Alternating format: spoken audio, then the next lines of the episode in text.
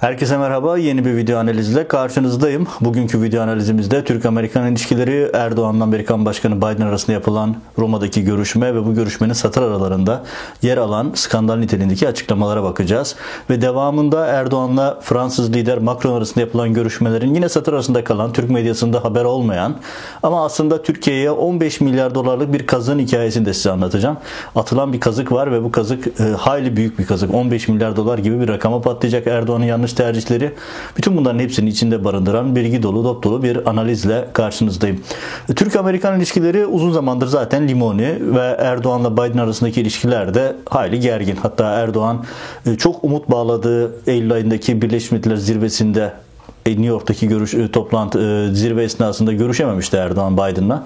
Hatta görüşemediği için de hayli kızgındı. Dönüşte tabiri caizse Biden'a saydırmıştı. Her fırtarta Biden'ı suçlayan açıklamalar yapıyordu ve akabinde işte Roma'daki G20 zirvesinde bir görüşme olacağı söylendi. Türkiye tarafı açıkladı bunu ilk defa Putin'e giderken. Beyaz Saray bunu bir türlü onaylamamıştı, bir türlü teyit etmemişti. Hatta pazar gününe kadar, neredeyse son dakikaya kadar Erdoğan'la Biden arasındaki görüşmenin olacağı olmayacağı belli değildi. Çok ciddi bir belirsizlik vardı. Aslında bu belirsizliğin diplomaside bir anlamı var. Amerika tarafı Erdoğan'la görüşmeyi çok da istemiyor. Tabiri caizse burnunu sürtmek istiyor. Ve böylelikle e, hani e, son dakikaya kadar bu işi belirsiz bırakarak tabiri caizse Erdoğan'la e, diplomatik yollardan bir e, had bildirmeye çalışıyor diyelim.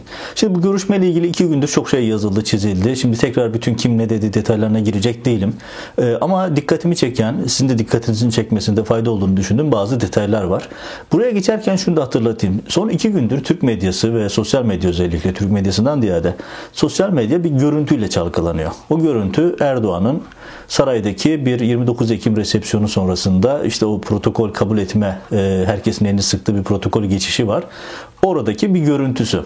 Şimdi görüntü rutin yani her 29 Ekim'de böyle şeyler olur ama bu görüntüyü daha enteresan ve orijinal kılan daha da büyük tartışmalara doğuran mesele Erdoğan'ın hali.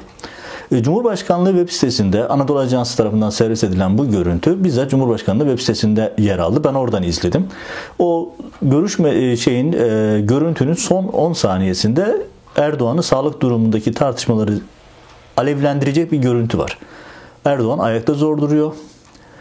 Böyle kendi bilincinde değilmiş gibi etrafına şaşkın bir vaziyette bakıp sonra çok zor adımlarla, ağır adımlarla yürümeye çalışıyor.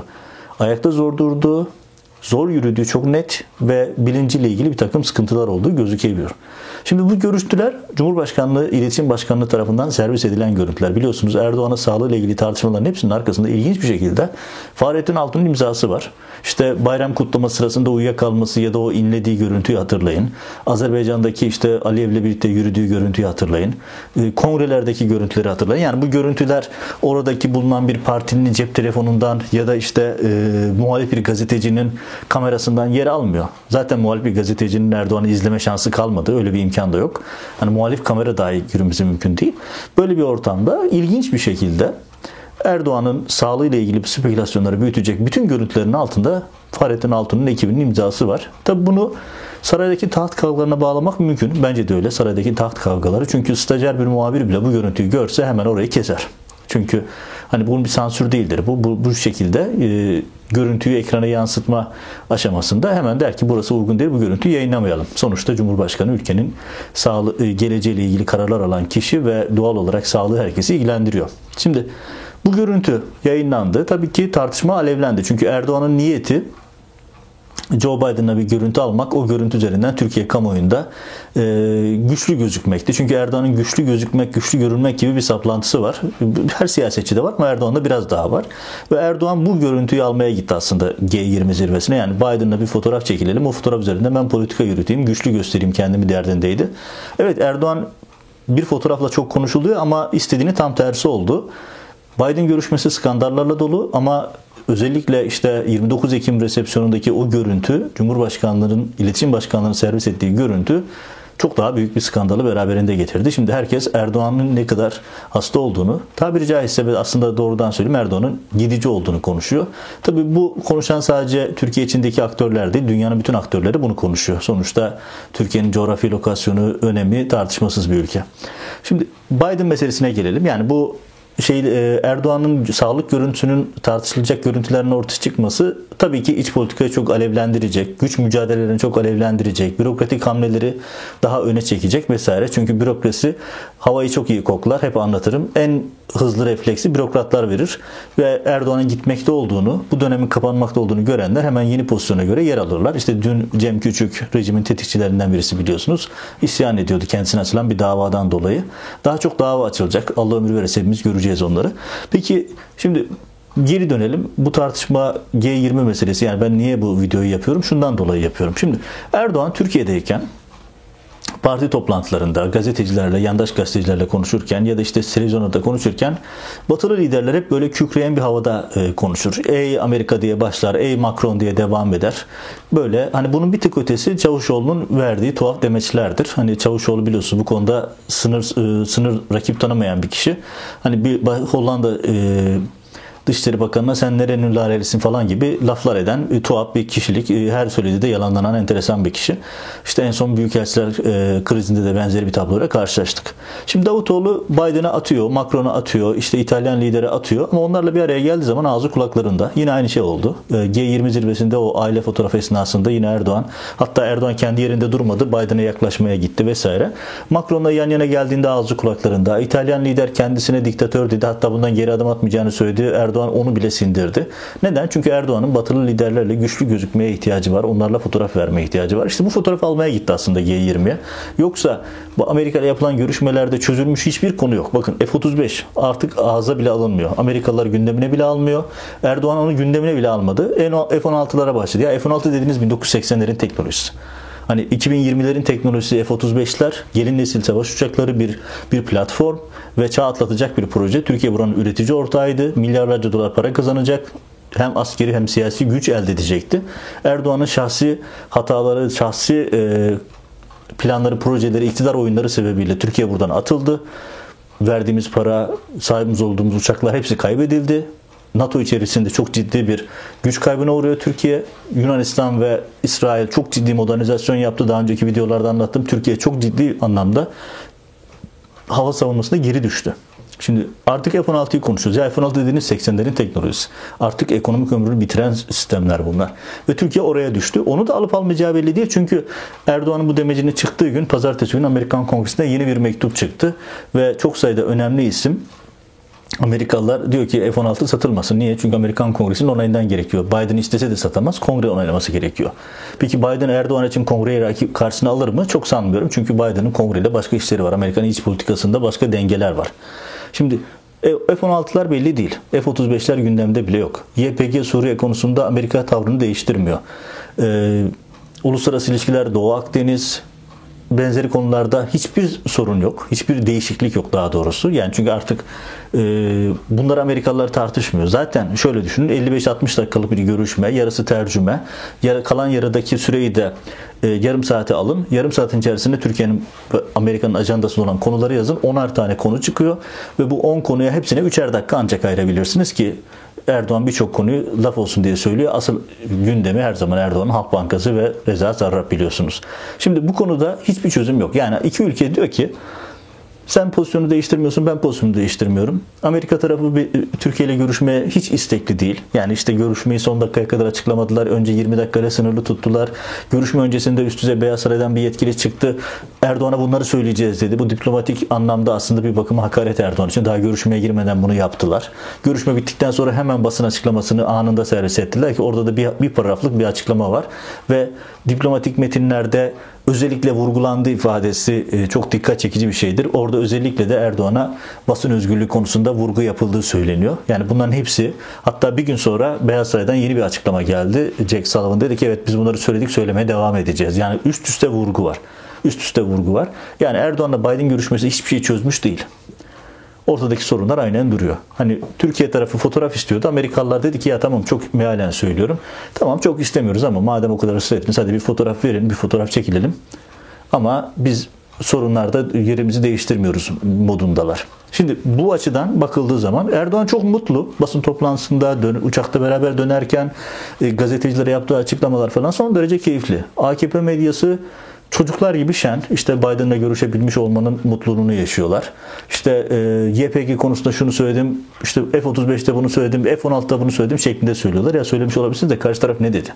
Karşı tarafın dediklerine dair hiçbir şey yok. Artı karşı taraf dediklerini zaten basın açıklamasında söyledi. Pozisyonlarını değiştirmiş değiller. Peki Erdoğan niye bu kadar mutlu? İşte Erdoğan şuradan mutlu.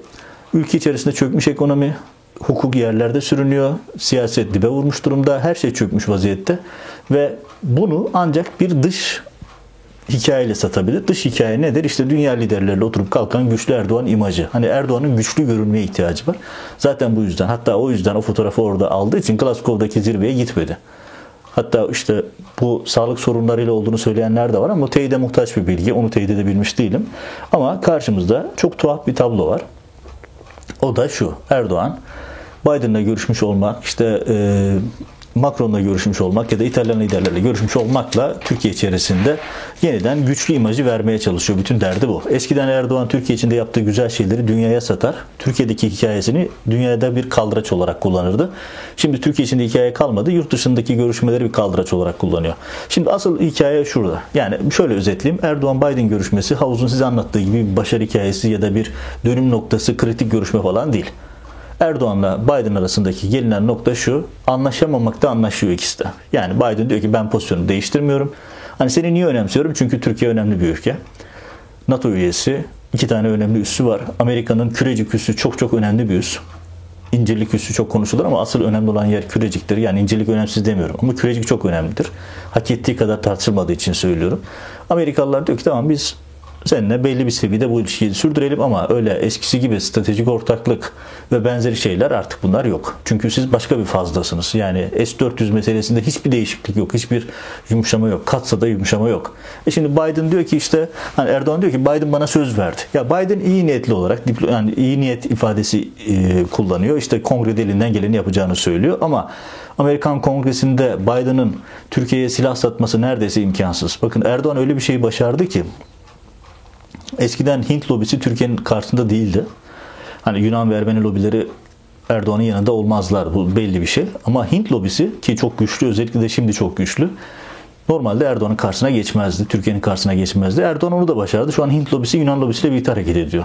Ve onlar bile Türkiye'ye F-16 satılmasın modundalar. Erdoğan dolayısıyla F-16'yı bile alamayabilir. F-4'ler zaten kullanım dışı kaldı. F-35'ler gelmiyor. Elimizde sadece F-4, e, e, F-16'lar var. O da demode.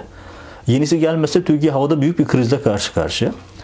Ve bu noktada Erdoğan Macron'la görüştü Fransız liderle. Biliyorsun ser ağzını açtığında Macron'a hakaretler eden birisi ama Macron'la karşı karşıya geldiğinde şen şakrak ağzı kulaklarında fotoğraflar veriyor. Yine görüşmede enteresan bir detay var. Şimdi Türk medyasında size anlatılmayan hikayeye geleyim. Ee, şimdi Macron'la görüşmesinde e, Rafael uçaklarından bahsediyor. Rafael uçakları nedir? Konuyu takip edenler biliyor. Yunanlılar satın aldı. Son derece gelişmiş bir teknoloji ve Yunanlılarla e, Fransız arasında askeri işbirliği anlaşması yapıldı. Bu da Erdoğan'ın başarısı çünkü Erdoğan'ın agresif dış politikası özellikle Doğu Akdeniz'deki politikaları sebebiyle Avrupa Birliği Yunanistan'ın arkasında kümelendi. Hani Erdoğan'ın bir başarısı daha bu başarıya tırnak içinde söylüyorum. Ve e, şimdi Fransızlarla Yunanlar anlaşma yaptılar ve Fransızlar Erdoğan'ın bir takım politikaları sebebiyle Türkiye'ye askeri konularda ambargo uyguluyor. Bu konularda ciddi bir soğukluk var. İşte bunlardan bir tanesi de e, füze hava savunma sistemleri SAMP/T diye bilinen işte Eurosam dedikleri sistem. Şimdi Erdoğan Macron'la yaptığı görüşmede dedi ki bu işte asıl bomba yere geliyorum. Dedi ki Euro, e, Eurosam e, SAMP ile ilgili e, füze hava savunma sistemi e, hava savunma sistemi daha doğrusu İtalyan ve Fransız ortak yapımı. E, bu sistemle ilgili olumlu adımlar atacağız. Bunu almak istiyoruz. Şimdi Rafael silahlarını, uçaklarını almak istiyor Türkiye tartışmalı alabilecek mi alamayacak mı değil. Çünkü Yunanlıları sattı Fransızlar.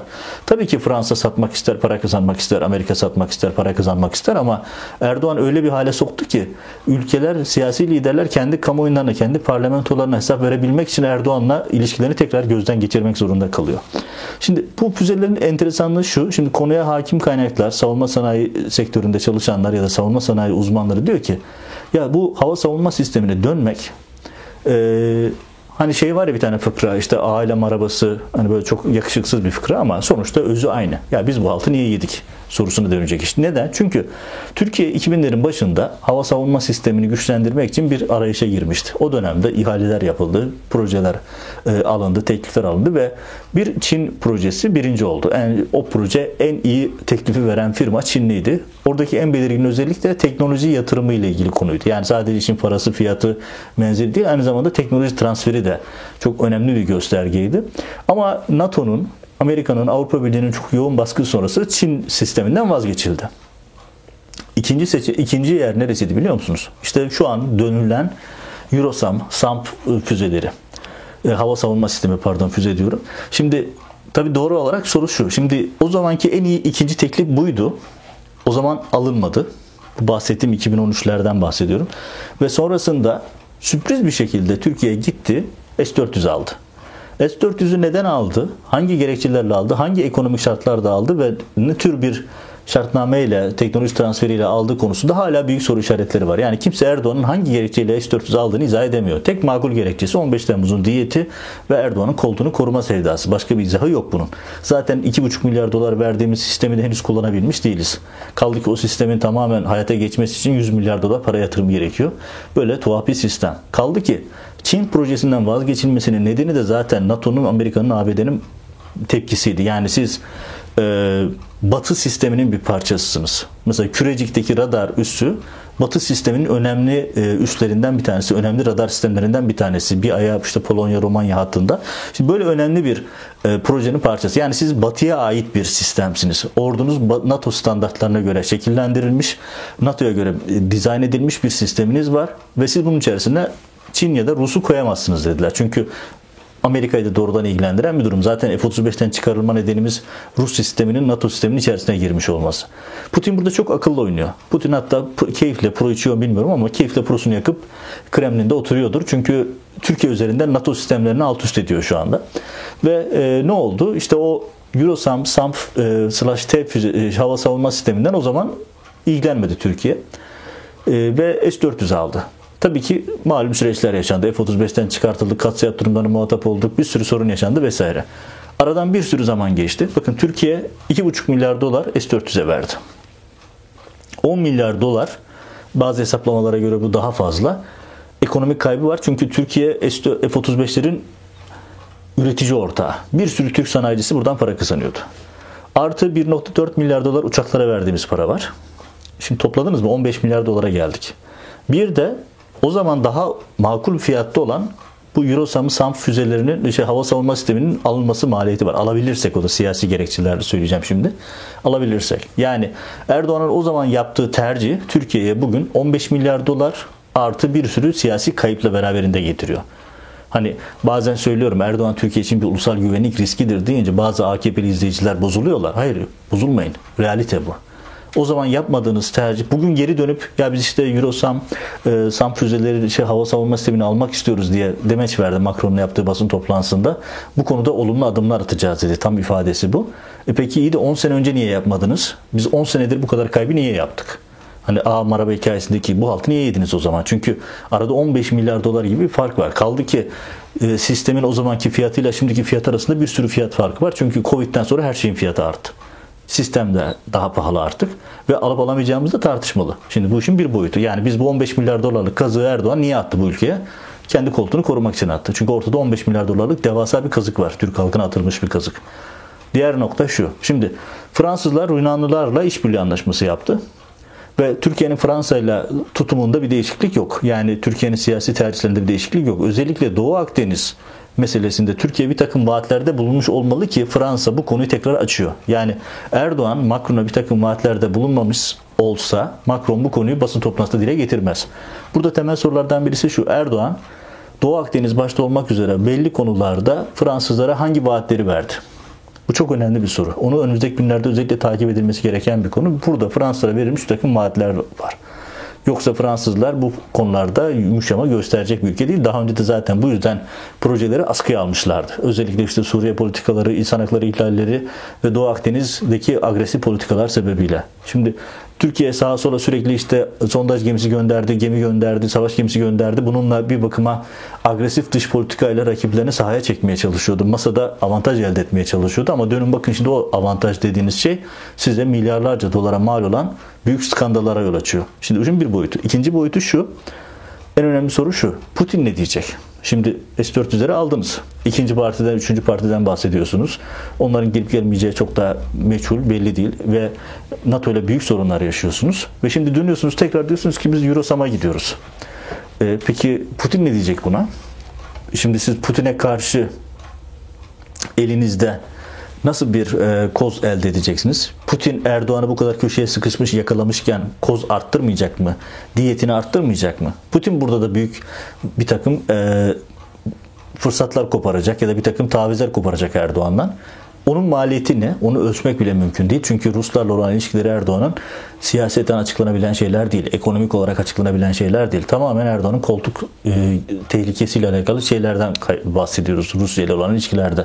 Düşünün Rusların özel ordusunun başındaki komutan gelip jandarma genel komutanlığıyla uzun görüşmeler yapıyor. Türkiye'nin kozmik odasına giriyor. Türkiye'nin kozmik odasına girdi Ruslar. Ankara'da çalıştılar ve geri gittiler. Şimdi bunların hepsi oldu ve şimdi geldiğimiz noktada Putin'e ne verecek Erdoğan? Er, Putin'in tepkisinden kurtulmak için. Çünkü Putin'in de bir sürü dosya var. Suriye'deki IŞİD'i destekleme var, petrol ticareti var, başka terörün finansmanı ilişki konuları var. E Putin bunları zaman zaman ucunu açıp gösteriyor. Hani işin domatesini, turistini geçtim. Onlar için ekonomik boyutlarında. Bir de uluslararası arenada Erdoğan'ın başını ciddi ağrıtacak şeyler var. Özellikle Erdoğan'ın kabusu haline gelen terörün finansmanı meselesi.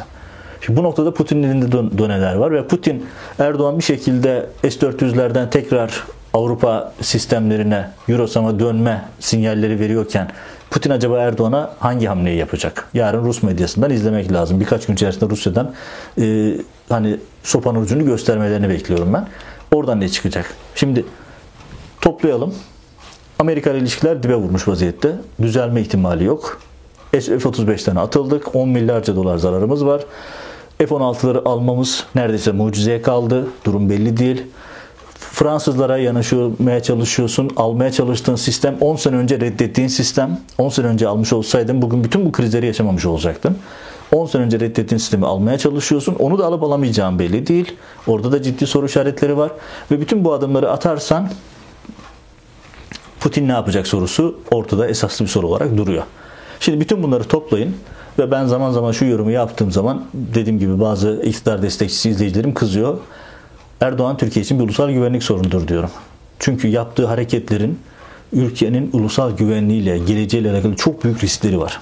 Attığı adımlar kendi iktidarını koruyabilir, kendi iktidarını devam ettirebilir, yandaşlarının parası cebi para görüyor olabilir ama Türkiye'nin geleceğini karartıyor, Türkiye'nin ulusal güvenliğini tehlikeye atıyor. Erdoğan şu anda tam anlamıyla masaya hani kumarbazlar her şeyi kaybedince masaya en son sahip olduğu evini, eşini falan sürer ya. Türkiye'de şu anda Erdoğan aynı pozisyonda masaya artık Türkiye'yi sürmüş vaziyette. Bakalım o kumar masasından Türkiye'ye ne tür faturalar çıkacak ama Erdoğan'ın attığı adımlar gerçekten Türkiye için ulusal güvenlik riski olmaya devam ediyor. Sadece şu Fransızlarla yaptığı füze e, açıklaması, hava savunma sistemi açıklaması bile Türkiye'ye 15 milyar dolar kaybettirmiş durumda. Yani daha önce 10 sene önce reddettiğin sisteme şimdi geri dönmeye çalışıyorsun. Peki 10 senede kaybettiğin ekonomik kayıplar, siyasi kayıplar, ne olacak? Bunları Erdoğan'a kimse sormayacak mı? Yani Türk medyasında kimse sormaz şu anda. Ama biz soralım. 10 sene önce reddettiğin sisteme şimdi dönmeye çalışıyorsun. Peki maliyeti ne? 15 milyar dolar sadece S-400'ler, F-35'lerden maliyet var. Diğer siyasi maliyetleri saymıyoruz. Bunun faturasını kim ödeyecek? Başka hangi alanlarda Türkiye Erdoğan'ın yanlış politikaları sebebiyle milyarlarca dolar kaybediyor ve geleceğini riske atıyor? Bir düşünmekte fayda var. Evet size özetle hani bu füze sistemleri, hava savunma sistemleri çok teknik konular. Bunlarla ilgili uzmanlarla uzun uzun görüştüm. Çok detay anlattılar ama sonuçta bunlarla sizi boğmak istemiyorum. Özü hikayesi şu. Erdoğan 10 sene önce reddettiği, yüzüne bakmadığı proje şimdi geri dönüyor. Ve bunun Türkiye'ye sadece ilk etapta 15 milyar dolar maliyeti var. Türkiye'nin kaybı. Ve siyasi kayıpları, Putin'le yaşayacakları başka riskleri zaten dediğim gibi özetledim. Orada çok büyük riskler de var. Evet sonuç itibariyle Erdoğan'ın e, bu sağlığında yaşanan sorunlar, kafa yapısında yaşanan sorunlar. Çünkü gerçekten Erdoğan artık e, ne dediğini unutmaya başladı. Çelişkili açıklamalar yapıyor. Bir anda bağırıp çağırdığı kişiye ertesi gün sanki 40 yıllık dostmuş gibi davranıyor. Bunlar tabii kameraların önünde olanlar. Kameraların arkasında ne oluyor bilmiyoruz. Orada belki daha fe- feci şeyler oluyor. O da ayrı bir sorun. Ve Erdoğan'ın hem sağlığı hem zihin e, muhakemeleri, e, zihin melekeleri hem de aldığı yanlış kararlar. Yani hava savunma sistemleri, ittifak anlaşmaları, Doğu Akdeniz'de yaptığı işler vesaire Türkiye'ye çok ciddi faturalar getiriyor ve benim o tezim her geçen gün daha da ete kemiğe bürünüyor. Evet Erdoğan rejimi Türkiye için bir ulusal güvenlik riskidir. Türkiye'nin ulusal güvenliğini riske atan bir yönetim var şu an Türkiye'de. Evet havuz medyasında duyamayacağınız, Türk medyasında çok duyamayacağınız bir takım detayları size anlatmaya çalıştım. Yani her şey onların size anlattığı gibi güllük gülistanlık değil. Aksine çok karamsar bir tablo var. Biraz dikkat etmekte, biraz farklı bir cepheden bakmakta fayda var. Evet önümüzdeki video analizlerde, yayınlarda görüşmek üzere. Hoşçakalın.